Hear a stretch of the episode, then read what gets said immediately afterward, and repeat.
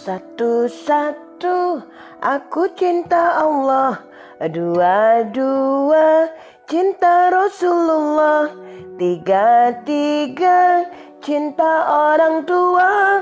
Satu, dua, tiga jalan masuk surga. Saya mau ke Mekah berkeliling-keliling Ka'bah sambil baca talbiyah dan wukuf di Arafah lalu melempar jumrah ula wusto akobah syai syai dari sofa ke marwah Allah maha penyayang sayangnya tak terbilang Allah maha pengasih tak pernah pilih kasih. Allah maha tahu tanpa diberitahu. Allah Allah la ilaha illallah. Hai hai hai. Assalamualaikum warahmatullahi wabarakatuh. Halo anak-anak Indonesia. Gimana kabar kalian hari ini? Alhamdulillah sehat ya. Oke jumpa lagi bersama Bunda Eni dari Kampung Dongeng Intan, Kalimantan Selatan. Bunda Eni akan lanjut lagi nih bacakan buku Muhammad Teladanku yaitu tentang kelahiran Rasulullah dari buku pertama.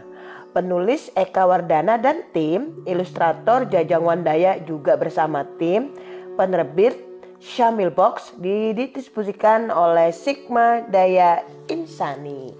Oke. Udah ini lanjut lagi ya. Di sini tentang membangun Ka'bah. Sudah siap? Mana suaramu? Mana semangatmu? Mana rapimu? Oke, dengarkan. Membangun Ka'bah. Teman-teman, setelah Ismail tumbuh menjadi pemuda yang gagah dan soleh, Nabi Ibrahim alaihissalam memanggilnya. Anakku, Allah subhanahu wa ta'ala memerintahkan kita membangun baitullah dekat sumur zam-zam. Dengan izin Allah, aku akan membantumu, jawab Ismail. Kemudian keduanya bekerja keras. Ismail mengangkat batu-batu membelah dan meratakannya. Sementara itu Nabi Ibrahim alaihissalam menyusunnya menjadi sebuah bangunan. Agar dapat meletakkan batu-batu di tempat yang tinggi, Nabi Ibrahim alaihissalam berpijak di atas sebuah batu. Jika satu bagian telah selesai dikerjakan, beliau memindahkannya ke bagian yang lain sebagai tempat pijakan lagi. Demikian dilakukan terus sampai seluruh bagian Ka'bah selesai dibangun. Teman-teman, telapak kaki Nabi Ibrahim alaihissalam membekas di salah satu batu pijakan tersebut. Jika kita ke Masjidil Haram, kita dapat melihatnya dalam sebuah rongga berkaca. Batu itu dinamakan makam Ibrahim. Artinya, tempat berpijak Nabi Ibrahim alaihi salam. Setelah menyelesaikan membangun Ka'bah, Nabi Ibrahim alaihissalam dan Ismail berdoa. Ya Allah, terimalah apa yang telah kami kerjakan. Engkau maha mendengar lagi maha mengetahui. Kemudian Allah Subhanahu wa taala memerintahkan agar tempat itu dijaga kesuciannya dan kebersihannya sebagai tempat beribadah yaitu sebagai tempat beribadah, tawaf, ruku, dan sujud. Setelah itu Nabi Ibrahim alaihissalam kembali ke Palestina. Apa yang terjadi kemudian dengan Ismail?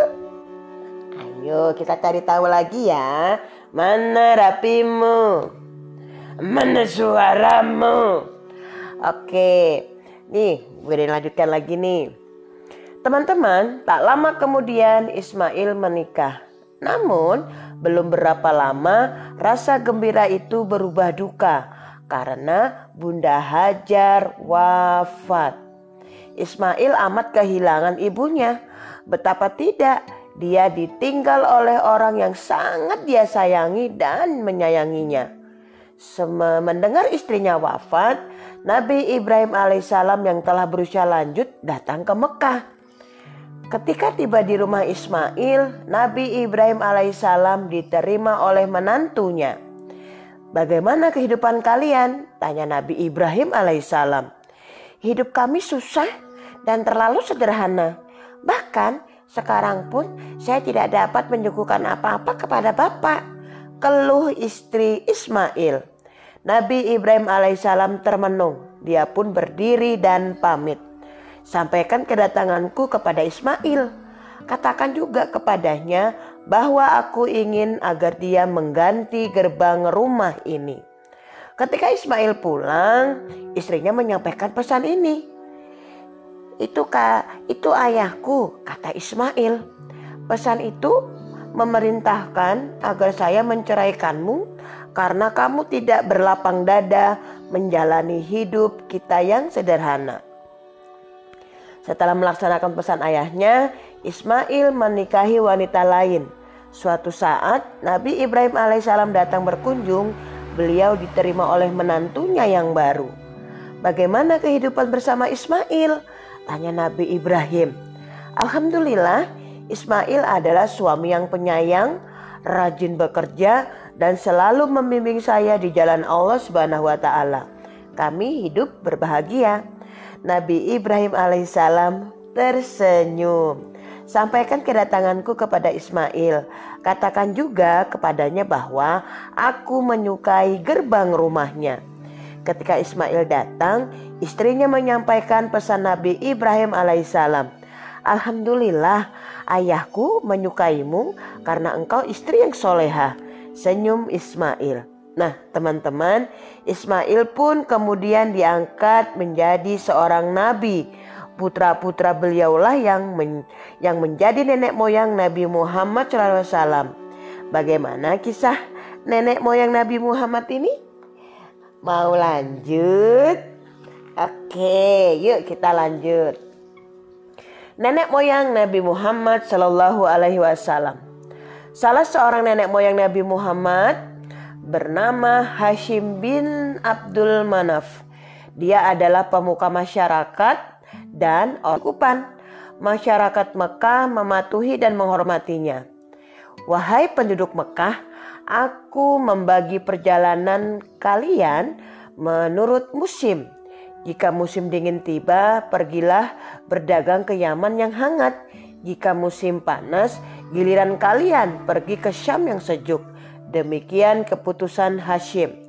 Adik-adik tersayang, Hashim tambah disayangi penduduk Mekah karena pada suatu musim kemarau yang mencekam, dia pernah membawa persediaan makanan dari tempat yang jauh. Padahal saat itu makanan amat sulit didapat. Terima kasih wahai Hashim, engkau menolong kami dengan pemberian makanan ini, seru penduduk Mekah. Di bawah kepemimpinan Hashim, Mekah berkembang menjadi pusat perdagangan yang makmur. Pasar-pasar didirikan sebagai tempat berniaga kafilah-kafilah dagang yang datang dan pergi silih berganti, baik pada musim panas maupun pada musim dingin. Demikian pandainya penduduk Mekah berdagang sampai-sampai tidak ada pihak lain yang mampu menyaingi mereka. Akan tetapi, adik-adik tersayang, teman-teman, di samping kemajuan besar itu, masyarakat Arab juga mengalami kemunduran luar biasa. Itulah sebabnya mereka dijuluki masyarakat jahiliyah alias masyarakat yang diliputi kebodohan. Itulah juga sebabnya sampai Allah Subhanahu wa taala mengutus rasul terakhirnya di tempat ini Adik-adik tersayang, apa yang dilakukan bangsa Arab saat itu hingga mereka dijuluki masyarakat jahiliyah? Mau tahu? Kelanjutannya besok lagi ya. Oke, sabar. Jangan khawatir. Doakan Bunda Deni panjang umur, sehat badan. Besok kita lanjut lagi. Oke teman-teman, Bunda Deni hanya berharap pada kalian untuk menjadi anak yang berbakti pada orang tua menjadi kebanggaan keluarga, bangsa, negara, dan juga agamamu. Oke teman-teman, sampai jumpa besok lagi ya. Oke, assalamualaikum warahmatullahi wabarakatuh. Dah.